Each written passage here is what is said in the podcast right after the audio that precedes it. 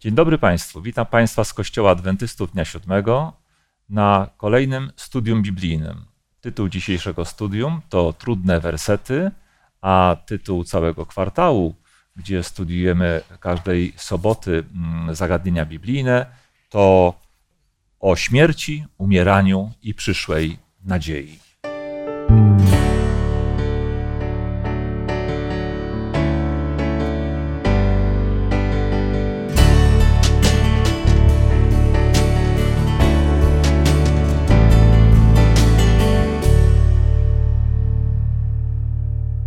Dzisiejsze studium poprowadzę wraz z moimi przyjaciółmi, z Anią, Władysławem i Dawidem, a ja mam na imię Andrzej.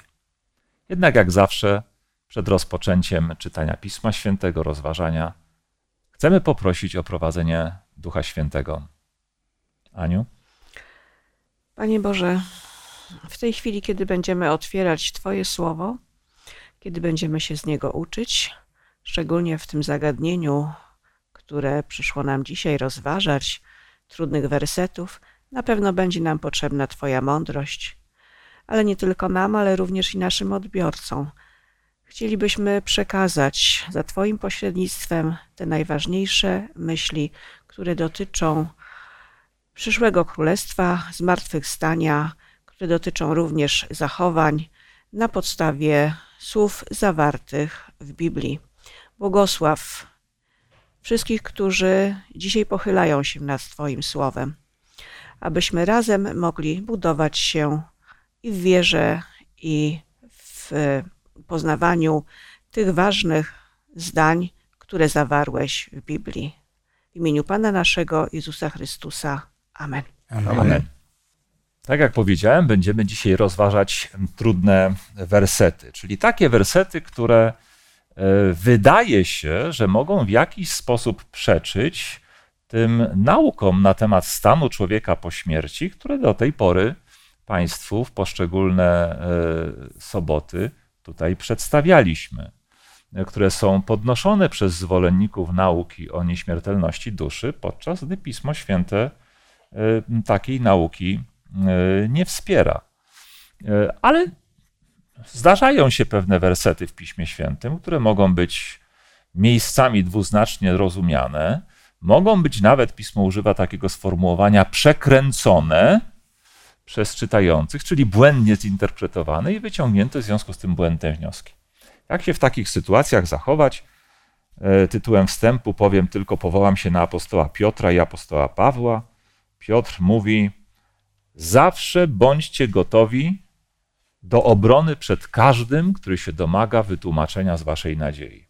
No i właśnie będziemy się chcieli dzisiaj obronić z naszej nadziei, z naszej wiary, z naszych poglądów na temat stanu człowieka po śmierci w perspektywie tych trudnych wersetów. No i apostoł Paweł dodaje: głoś słowo w każdy czas, ale z wszelką cierpliwością, mhm.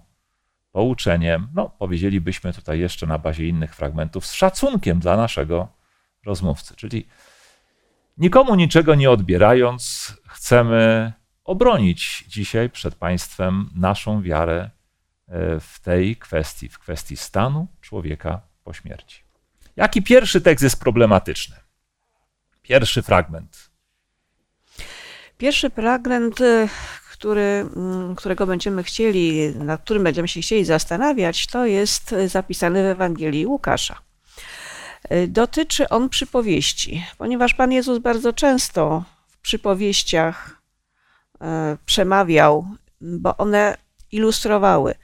Ilustrowały albo świat roślinny, świat zwierzęcy, albo nawet sytuacje. Y, I tutaj mamy dwóch bohaterów. Mamy dwóch bohaterów, których poznajemy na co dzień, ale i również poznajemy ich w momencie, kiedy ich życie się zakończyło. E, więc może, e, bo tak ogólnie było powiedziane, że przypowieści, a to chodzi dokładnie o przypowieść z Ewangelii Łukasza z 16 rozdziału, wersety 19 po 31.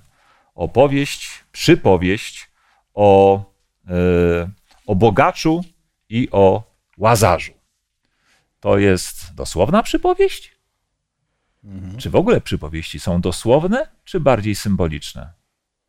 Przede wszystkim, y, gdyby to było dosłowne, to byłoby to trudno zrozumieć. Mnóstwo tu jest takich y, tematów czy problemów, że niebo znajduje się bardzo blisko piekła, e, następnie. Ale to może zanim będziemy kontynuować, o czym te teksty opowiadają, Tak. może je po prostu przytoczmy.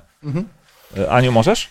A był pewien człowiek, bogaty, który się przyodziewał w szkarłatne szaty i kosztowne tkaniny i na co dzień wystawiał, wystawnie ucztował. Był też pewien żebrak imieniem Łazarz, który leżał u jego wrót owrzodziały. I pragnął nasycić się odpadkami ze stołu bogacza, a tymczasem psy przychodziły i lizały jego rany. I stało się, że umarł żebrak. I zanieśli go aniołowie na łona Abrahama. Umarł też bogacz i został pochowany. A gdy w krainie umarłych cierpiał męki i podniósł oczy swoje, ujrzał z daleka Abrahama i Łazarza na jego łonie. Wtedy zawołał i rzekł: Ojcze Abrahamie, zmiłuj się nade mną i poślij Łazarza, aby umoczył koniec palca swojego w wodzie i ochłodził mi język, bo męki cierpię w tym płomieniu. Abraham zaś rzekł: Synu, pomnij, że dobro swoje otrzymałeś za swojego życia, podobnie jak łazarz zło. Teraz on tutaj pozostaje, doznaje pociechy, a ty męki cierpisz. I poza tym wszystkim między nami a wami rozciąga się wielka przepaść, aby ci, którzy chcą stąd do was przejść, nie mogli, ani też stamtąd do was nie mogli się przeprawić. I rzekł, proszę cię więc, ojcze, abyś go posłał do domu ojca mego. Mam bowiem pięciu braci, niechaj złoży świadectwo wobec nich, aby i oni nie przyszli na to miejsce męki. Rzekł mu Abraham, mają Mojżesza i proroków, niechże ich słuchają. A on rzekł, nie, ojcze Abrahamie, ale jeśli kto z umarłych pójdzie do nich, upamiętają się. I odrzekł mu, jeśli Mojżesza i proroków nie słuchają, to choćby co z umarłych powstał, też nie uwierzą. No właśnie, czy ta przypowieść chce nas nauczyć o stanie człowieka po śmierci i nauczyć nas szczegółów, jak wygląda życie po śmierci? Czy też y, należy tę przypowieść rozpatrywać jedynie w kategoriach symbolicznych, niedosłownych, acz tylko z jakimś bardzo ważnym y, końcowym przesłaniem? No zważywszy na to, kto mogłoby się wydawać, że zważywszy na to, kto tą historię powiedział, tak, kto tą przypowieść powiedział, to no, powinniśmy zakładać, że jest to historia prawdziwa, że jest to coś prawdziwego, co się dzieje. Aha, że skoro Jezus powiedział, to Że- znaczy, że tak jest. Prawda, no moglibyśmy tak założyć. Yy, Także moglibyśmy, mało tego, moglibyśmy powiedzieć, że wierzenia, z którymi e, będziemy tutaj dzisiaj polemizować, e, no mają korzenie biblijne. Mało tego, no to już od jakiegoś czasu te, te, to się, ta, te, te, ten, ten rodzaj myślenia o, o tym, czym jest piekło, czym jest niebo, no się gdzieś tam prze, przejawiał, nie? Moglibyśmy tak założyć.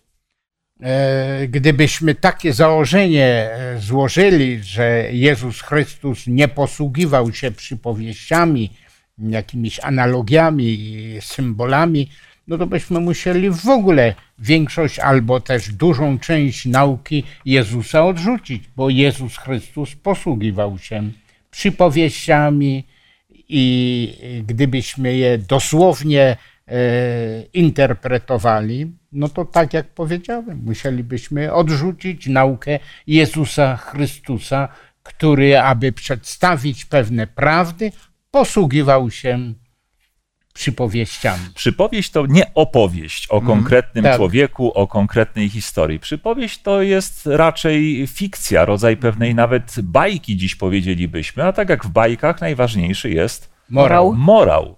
Tu morałem jest y, w tej całej historii y, y, nie to, jaki jest stan człowieka Tak. po śmierci, tylko to, że Żydzi, rozmówcy Pana Jezusa, mieli świadectwa Mojżesza i proroków na temat Jezusa, na temat Chrystusa, który miał nadejść, a jednak mając go przed sobą, nie byli go w stanie rozpoznać, ponieważ zupełnie czego innego szukali w tych świadectwach. Nawet jest napisane, że, że badacie pisma, bo sądzicie, że macie w nich żywot wieczny, a one tylko składają świadectwo o mnie. Czyli oni szukali w nich żywota wiecznego, a nie dostrzegali, że to życie wieczne jest w Jezusie y, Chrystusie. Y, Jakby czytali, a mijali się z celem. I, I w tym sensie Chrystus mówi, nawet gdyby kto z umarłych przyszedł. On nie mówi, że umarli przychodzą. On nie mówi, że można mieć kontakty z umarłymi. On mówi, choćby kto z umarłych przyszedł. To jest absolutnie tryb przypuszczający, a nie y, twierdzący, że takie rzeczy się rzeczywiście dzieją. Czyli my dzisiaj ludzie żyjący w XXI wieku, szukający faktów, tak, możemy pominąć pewne aspekty przypowieści, tak? E, szukamy konkluzji, tak na szybko, nie? Ale rzeczywiście, że tak. Przypomnijcie sobie taką znowu przypowieść o niesprawiedliwym sędzim. Ona jest bodajże w 18, jeśli dobrze pamiętam, y, rozdziale, pierwszych 8 wersetów Ewangelii Łukasza. Tam y, y, przypowieść o pewnej kobiecie, która przy, przychodziła do sędziego, żeby zajął się jego sprawą, a on nigdy nie miał czasu się tą jej sprawą zająć, bo to jakaś biedaczka była, prawda? I zbywał ją, zbywał, ale ona namolnie przychodziła. I on w końcu znudzony, widać bardzo wyraźnie w tej przypowieści, że sędzia był jej postawą znudzony i w końcu, żeby już mu nie przychodziła, żeby już mu nie truła, jakbyśmy nudziła. powiedzieli dzisiaj, prawda? No to wziął, wysłuchał jej sprawę, rozsądził i sprawa załatwiona. I na końcu Pan Jezus konkluduje tę przypowieść i mówi: Tak, i Ojciec Niebieski, jeśli będziecie przychodzili do Niego z wytrwałą modlitwą, w końcu Wam da, czego chcecie. Gdybyśmy chcieli założyć, że w tej przypowieści wszystko, co zostało w niej odmalowane, odmalowuje nam rzeczywistość niebieską, niebiańską, prawda? To już wiemy, że sędzia symbolizuje ojca, że kobieta symbolizuje lud Boży, że przedstawianie przez nią sprawy symbolizuje modlitwę, powtarzalność tej sprawy, wytrwałość modlitwy.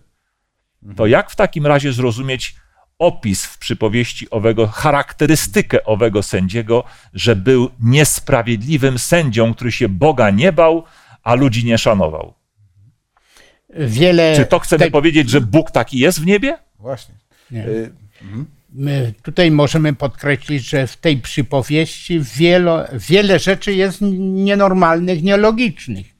Nawet z tego byśmy musieli wyciągnąć wniosek, e, że bogacze są źli, a ci biedacy to są, to są bogobojni. Że bogacze zawsze do piekła, a, No, a, a a biedacy do zawsze nieba. do nieba. Tak? Bo tu jakby kwalifikacji moralnych owego biedaka żadnego nie ma, żeby miał sobie zasłużyć na niebo, a po śmierci od razu idzie do nieba. do nieba. Musielibyśmy, Dlatego, że jest biedny, że jest tak, biedakiem. musielibyśmy sobie za, założyć również, co jest sprzeczne z dotychczasowymi y, przez nas y, poczynionymi ustaleniami, nie w dzisiejszej lekcji, ale w poprzedniej, nie w dzisiejszym studium, ale w poprzednich, że, y, że po śmierci jest jakaś świadomość. Chociaż wiemy, że jej nie ma. Umarli wszakże nic nie wiedzą. Przecież czytamy u kaznodziei y, Salomona w księdze Kocheleta. Y, Gdyby jednak tak było, to popatrzcie, czy niebo mogłoby być miejscem szczęśliwości, miejscem bez łez, gdzie jeśli zbawione, ale już umarłe, ale zbawione i od razu do nieba wzięte matki, musiałyby obserwować błędy, śmierć, choroby, tragiczne może śmierci swoich dzieci, jeszcze żyjących? Byłyby w stanie czerpać szczęście, radość z wiecznego bytowania z Chrystusem, obserwując, co dzieje się na ziemi z ich dziećmi? Dlatego też e, w Piśmie Świętym czytamy, że e, na nowej ziemi nie będzie płaczu, łez, narzekania, rozpaczy, a gdyby tak było, to, to byłby powód do jakiejś rozpaczy. Patrząc, e, niejedna matka by chętnie Tak. zeszła z nieba tak, po to, tak. aby ratować, e, e, no, pomagać dzieciom, które cierpią. A przede wszystkim czytamy też w Piśmie Świętym o tym, że wszelka zapłata, czy też kara za życie, jakie się prowadziło tutaj na ziemi, przyjdzie dopiero wraz z przyjściem Jezusa Chrystusa i z wydarzeniami, które po tym przyjściu nastąpią. Te wiele tekstów, które mówią, że przychodzę, a zapłata moja jest Jest ze mną. ze mną. Prawda? W domu ojca mego jest wiele mieszkań. Jeśli pójdę i powrócę, wezmę was do siebie, abyście i wy byli, gdzie ja jestem. A więc dopiero po powrocie Chrystusa mamy obietnicę, że nas tam weźmie, a nie bezpośrednio po śmierci. Ta przypowieść jest tylko i wyłącznie fikcyjną przypowieścią, w której najważniejszy jest morał, by czytać Pismo Święte, a nie opierać się na, na, na nadnaturalnych zjawiskach. Tak jest. Ale, ale oczywiście znajdą się zwolennicy nauki o nieśmiertelności duszy i powiedzą, to co zrobicie z tym przecinkiem z 23 rozdziału Ewangelii Łukasza 43 wersetu, gdzie na krzyżu jeden z łotrów zwraca się do y, Pana Jezusa i, i, i wyznaje wiarę w Niego i, i prosi Go tutaj, prawda, żeby się nim zaopiekował, a Pan Jezus mówi do niego, Zaprawdę powiadam ci, dziś będziesz ze mną w raju. I tu wszystko rozgrywa się o przecinek.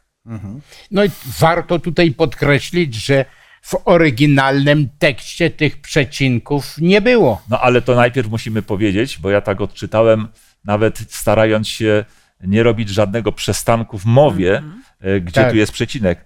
We większości, we wszystkich przekładach współczesnych pisze się, napisano, zaprawdę powiadam ci, przecinek, dziś będziesz ze mną w raju. Natomiast my jesteśmy zwolennikami tu innej koncepcji gramatycznej, że tekst powinien brzmieć: Zaprawdę powiadam ci dziś, przecinek, będziesz ze mną w raju. Tak. Tak, właśnie ten przysłówek dziś jest bardzo istotny, dlatego że y, możemy obserwować y, w piątej księdze Mojżeszowej, czyli czy y, księdze powtórzonego prawa, kilka takich wersetów. To biorę dziś niebo i ziemię na świadków. Czy w innym e, miejscu mm, też tej samej księgi. Ja ci dzisiaj nakazuję. Czyli wielokrotnie jest to y, A przynajmniej Używane- dwa razy, ale to naprawdę nie, jest jedy, nie są jedyne Tak. przypadki. y, Tak. to dla Łukasza było ważnym słowem, y, które znalazło się w jego Ewangelii. Tak, bo y, z tego, co y, y, wiadomo, nie chcemy i nie mamy tutaj też i czasu przytaczać te wszystkie miejsca, ale w Ewangelii Łukasza i w dziejach apostolskich jego autorstwa aż Tak. 20 razy Łukasz używa tego, tego przysłówka, z czego 14 razy, w 14 przypadkach ten przysłówek jest powiązany z czasownikiem prze- poprzedzającym. A więc tak jak tutaj, powiadam ci dziś, a nie dziś będziesz, Tak. prawda? Powiadam ci dziś. Do dnia dzisiejszego.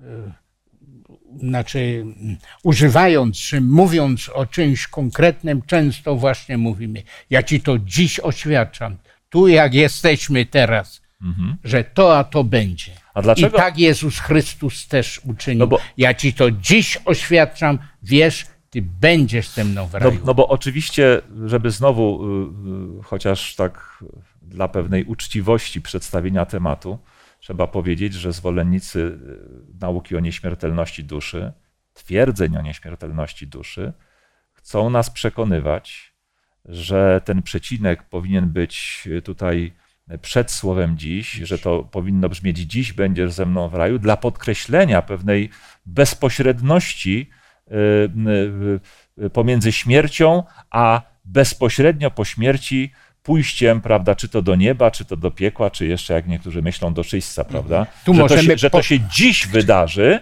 bezpośrednio po śmierci. Natomiast my twierdzimy znowu, tak. według tego, co przed chwilą powiedzieliśmy, wszelka zapłata przychodzi dopiero po przyjściu Chrystusa. Tak. I A nie bezpośrednio jeszcze po. jest. Nawet Jezus Chrystus, mówiąc na ten temat, nie powiedział, że jeszcze dzisiaj będę w raju, tylko powiedział, ja jeszcze nie wstąpiłem do Ojca, do nieba. Aha. I dlatego też e, To- to- jest to nielogiczne. To znaczy, to Chrystus by nielogicznie powiedział, że dziś będę z Tobą w raju, a tymczasem Jezus Chrystus sam tego dnia jeszcze nie był w raju.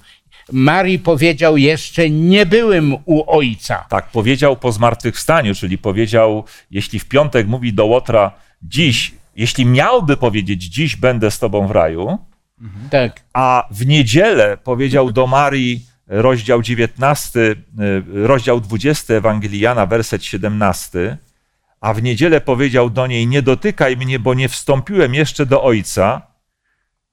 Idź do moich braci i powiedz im: Wstępuję do Ojca mojego i Ojca waszego, do Boga mojego, Boga waszego.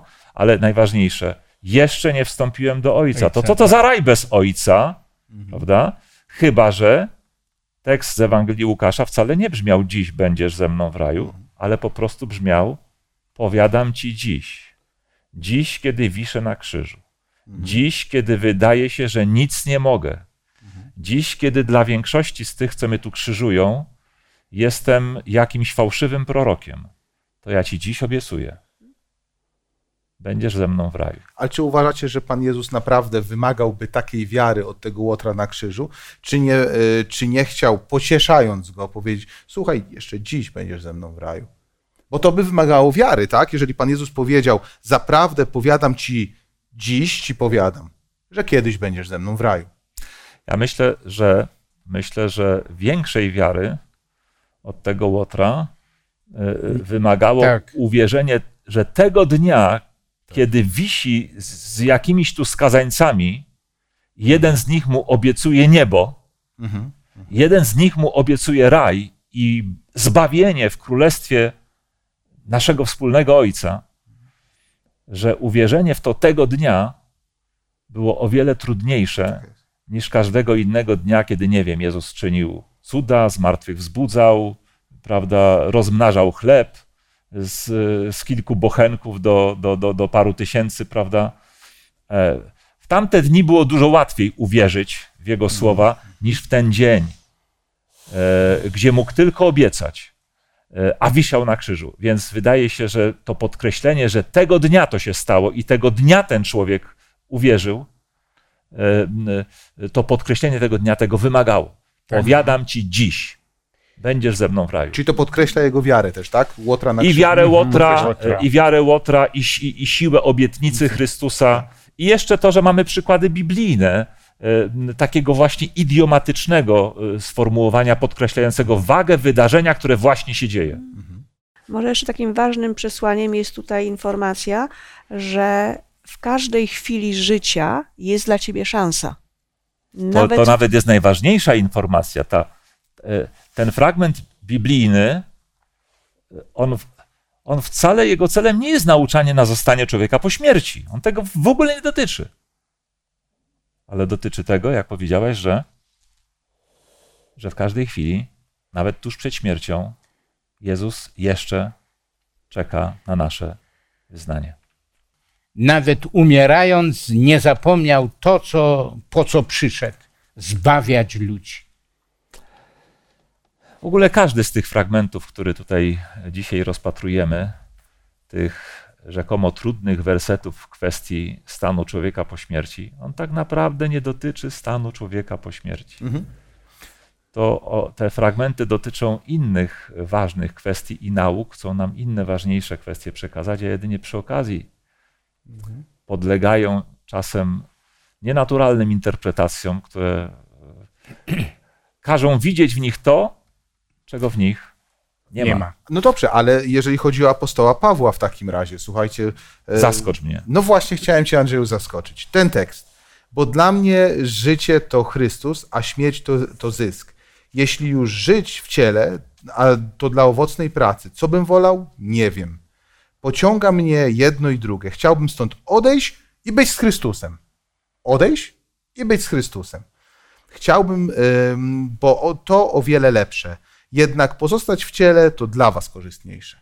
Odejść i być z Chrystusem. Czy to nie mówi o czymś takim natychmiastowym? No, chociaż napisane jest to obok siebie, że chce umrzeć i być z Chrystusem, to wcale nie znaczy, że te dwa wydarzenia, e, śmierć i bycie z Chrystusem, Są muszą nastąpić bezpośrednio po sobie. Hmm. Nie ma tam żadnej sugestii, poza oczywiście bliskością opisu, prawda? Że jakby są wymienione jednym tchem. Wiesz, kiedy będą bliskie? W momencie, gdy zaśnie i się obudzi już z Chrystusem.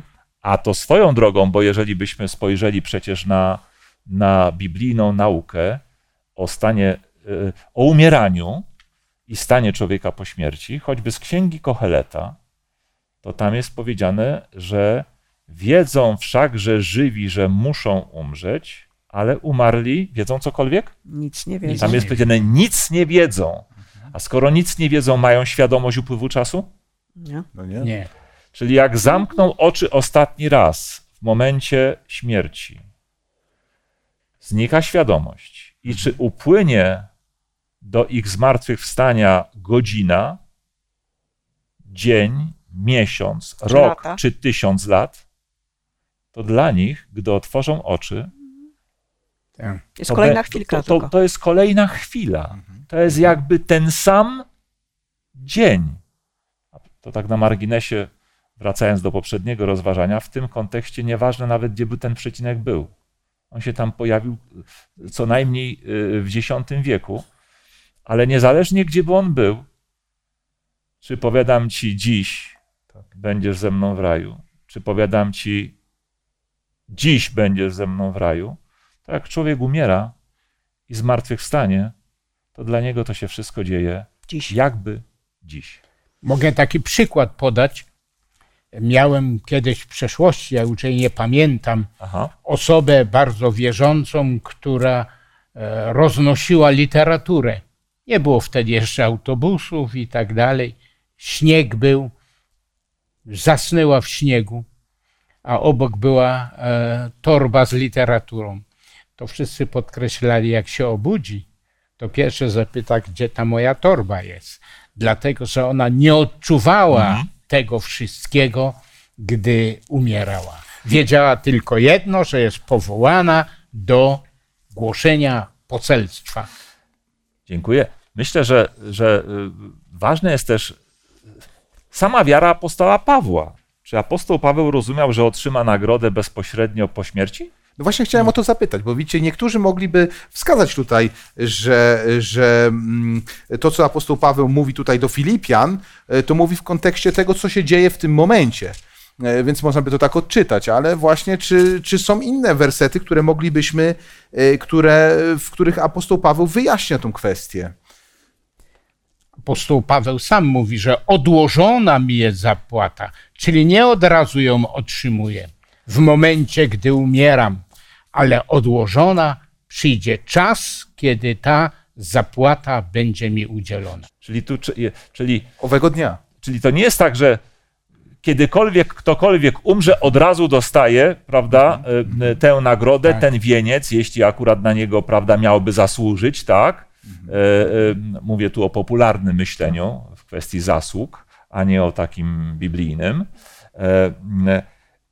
A tu się okazuje, że nikt nie będzie go tak, że nie to, że każdy, kiedy tam umrze, dostanie. Tu wszyscy czekają na ten sam Dzień. moment, na ten sam dzień objawienia To samo Jezusa, wydarzenie. Chrystusa, to, Tak. na to samo wydarzenie. Również Paweł owego dnia, właśnie wtedy otrzyma ten wieniec, a nie bezpośrednio e, po, po śmierci. I tak należy rozumieć jego wypowiedź z listu do e, Filipian, przepraszam, tak, z listu do Filipian. Jest jeszcze jedno, co nam tutaj podpiera nasze zrozumienie tej sprawy, mianowicie to, że jednym tchem tam wymienił apostoł Paweł y, y, dwa wydarzenia, prawda, że wolałbym rozstać się z życiem, a być z Chrystusem, że to wcale nie znaczy, że to jedno po drugim bezpośrednio następuje. Mamy taki przykład z piątego rozdziału Ewangelii Jana. Y, Tam y, wersety bodaj 28-29. Możesz, Aniu, znaleźć i ten fragment Już. nam przeczytać? Bo on coś ciekawego, y, coś ciekawego ilustruje. Ilustruje mianowicie to, że można mówić o pewnych dwóch wydarzeniach jedno po drugim, które mogą sugerować bezpośredniość Tak. następowania jedno po drugim, ale w istocie akurat w tym przypadku dzieli je tysiąc lat. Nie dziwcie się temu, gdyż nadchodzi godzina, kiedy wszyscy w grobach usłyszą głos Jego i wyjdą ci, co dobrze czynili, by powstać do życia, a inni, którzy źle czynili, by powstać na sąd. Mamy powstanie tych, co dobrze czynili, zma- zmartwychwstanie tych, co dobrze czynili, zmartwychwstanie tych, co źle czynili. Z tego tekstu wydaje się, że to nawet w tej samej godzinie nastąpi. Nadchodzi godzina, kiedy wszyscy, którzy są w grobach, usłyszą jego głos. A tymczasem, kiedy porównamy to z Księgą Apokalipsy, z 20 rozdziałem, wersety y, 4 i 5, to tam czytam. I zobaczyłem trony, a tym, którzy na nich usiedli, dano władzę sądzenia. Zobaczyłem też dusze tych, którzy zostali ścięci z powodu świadectwa Jezusa i z powodu słowa Boga, tych, co nie oddali pokłonu bestii, i skracam, i ożyli i królowali z Chrystusem tysiąc lat. Pozostali z umarłych nie ożyli, dopóki nie dopełni się tysiąc lat. To jest pierwsze zmartwychwstanie. To po tysiącleciu to będzie to, Drugie. to drugie na właśnie ten sąd i wieczne potępienie. Ale teraz czeka przed nami kolejny fragment. No, chyba taki, powiedziałbym, z tych wszystkich, e, e, wydaje się, że najbardziej kłopotliwy. Wo, wo, wobec tego właśnie e, no tutaj powstaje wątpliwość, czy apostoł Paweł zgadzał się z apostołem Piotrem, tak? Bo, Bo, bo co powiedział Piotr? bo Piotr powiedział tak. Lepiej bowiem jest, taka jest wola e, Boga, cierpieć czyniąc dobrze, aniżeli czyniąc źle. Gdyż i Chrystus raz za grzechy cierpiał, sprawiedliwy za niesprawiedliwych, aby nas przyprowadzić do Boga, uśmiercony w ciele, lecz ożywiony duchem, w którym poszedł i głosił też duchom będącym w więzieniu. Tam jeszcze są wspomniane czasy Noego. Prawda? Tak. tak dalej. Duchom będącym w więzieniu w czasach Noego. Ale, 20 wersecie. no, ale kolejny raz. Y, y, To, co przed chwilą przeczytałeś, jest jedynie przykładem y, tutaj dla wykazania pewnej tezy, która była w tym 17 wersecie powiedziana, że lepiej bowiem taka jest, jeśli taka jest wola Boża, cierpieć za dobro, niż za czynienie zła. I pokazany jest Chrystus, który, y, który przecież samo dobro czynił, a przecież ucierpiał, został zabity, prawda? I to jest główna nauka tego fragmentu, a nie nauka o stanie człowieka po śmierci, śmierci. którą chce się tutaj y, y, y, czytelnikom Pisma Świętego jakby e, mówić w pewnym sensie, gdy tymczasem ja może posłużę się w takim razie prze, przekładem absolutnie tutaj dozwolonym w sensie tłumaczenia, e, które przytoczę, przykładem Biblii Ekumenicznej, gdzie powiedziane jest, przecież i Chrystus raz cierpiał za grzechy sprawiedliwy, za niesprawiedliwych, by przyprowadzić was do Boga, zabity wprawdzie w ciele, przez ducha jednak został ożywiony.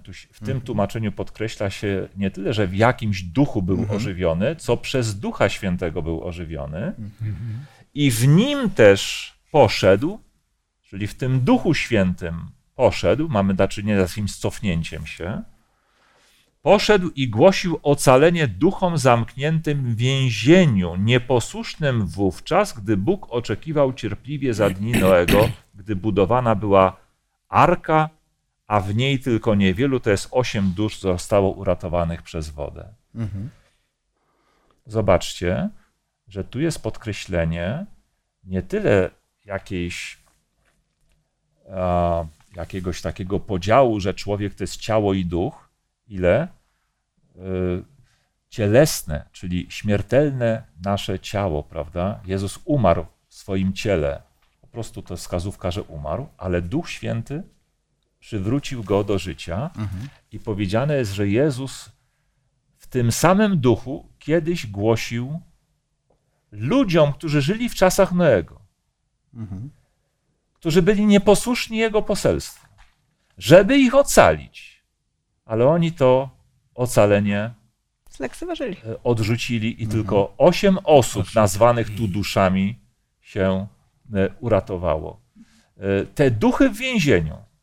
Czy nie znamy takiej koncepcji, choćby z Ewangelii Jana, czwarty rozdział, gdzie Jezus poszedł, by czytać Pismo Święte według swego zwyczaju w sobotę do synagogi i przeczytał im Izajasza i powiedział, że nadchodzi miłościwy rok łaski Pana. I na czym ten rok miał polegać? Na uwolnieniu jeńców z niewoli. A co to jest innego jak nie uwolnieniu ludzi z niewoli Grzechu. grzechu? Grzech. A więc duchy będące w więzieniu w czasach Noego to byli ludzie nieposłuszni w czasach Noego, którzy nie słuchali przestróg głoszonych przez Noego. A kto Noemu te przestrogi dla nich e, przekazywał?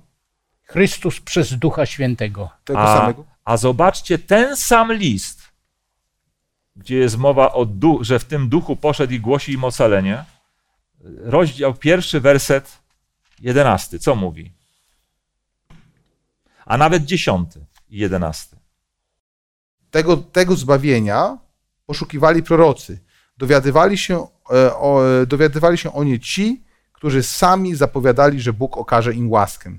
Pragnęli dociec, na który moment i na jakie okoliczności wskazuje obecny w nich Duch Chrystusa zapowiadający Jego cierpienia i następującą po nich chwałę. U mnie czytam, że wskazy, e, szukali tego czasu, który wskazywał działający w nich duch Chrystusa.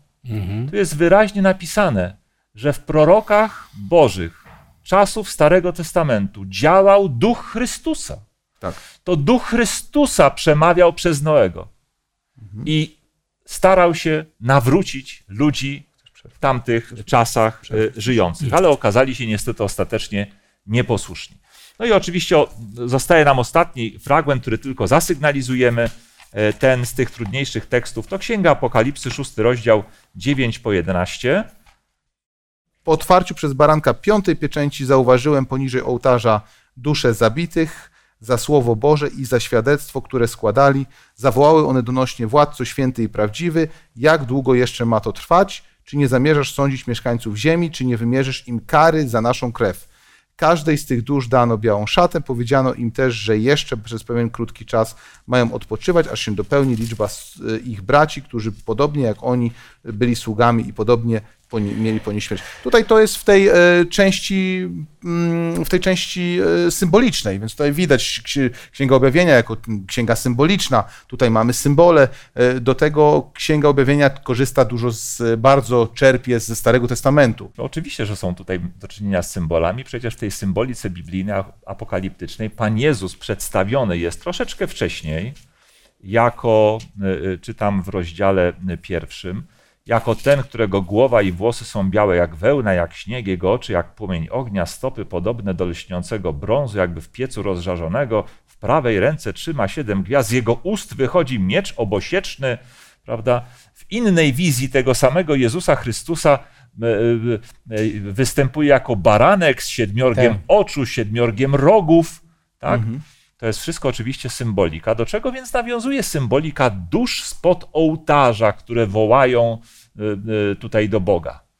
Nawiązuje do Starego Testamentu.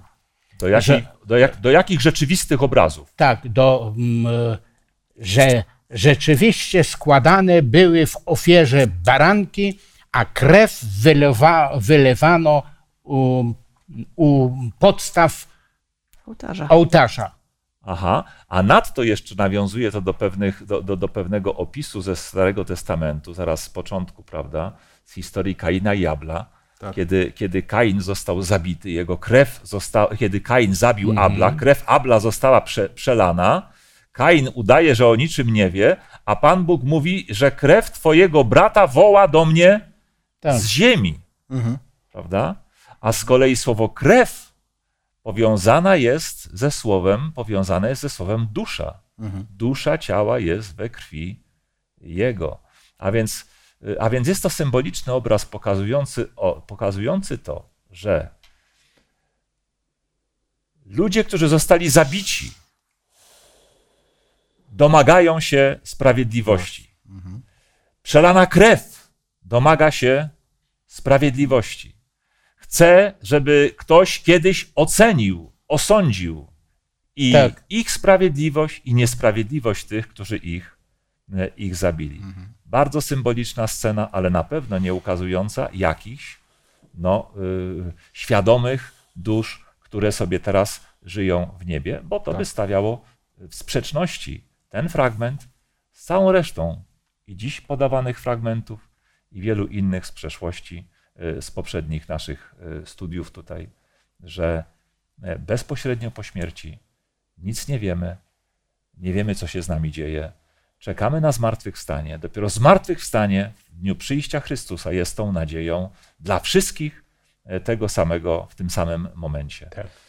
I tego Państwu życzymy, żebyśmy wszyscy przez wiarę w Chrystusa, przez łaskę Boga mogli, niezależnie kiedy przyjdzie nam rozstać się z tym światem, mogli zmartwychwstać w dniu Jego powrotu, otrzymać tę niezwiędłą koronę chwały razem z apostołem Pawłem, który gdzieś tam w grobie, w nieświadomości, czeka, tak jak my, na ten dzień.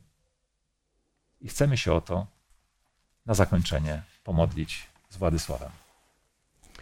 Nasz wielki dobry Boże, dziękujemy Ci za słowo Twoje święte, za tak konkretnie, jasno przedstawia, jaka jest przyszłość przed nami, że wszystkie wspaniałe rzeczy, które są podkreślone, dopiero staną się realne w dniu powtórnego przyjścia Jezusa Chrystusa. To cała Biblia podkreśla i z tą nadzieją chcemy żyć, cieszyć się, aż do tego dnia, kiedy Jezus Chrystus powróci, tak jak zapowiadał. Dziękujemy za to i prosimy, aby to jak najwcześniej się stało przez Jezusa Chrystusa. Amen. Amen. Amen. Drodzy Państwo, zapraszam za tydzień na kolejne nasze studium. Tym razem będziemy studiowali w innym składzie, ale o ogniu piekielnym.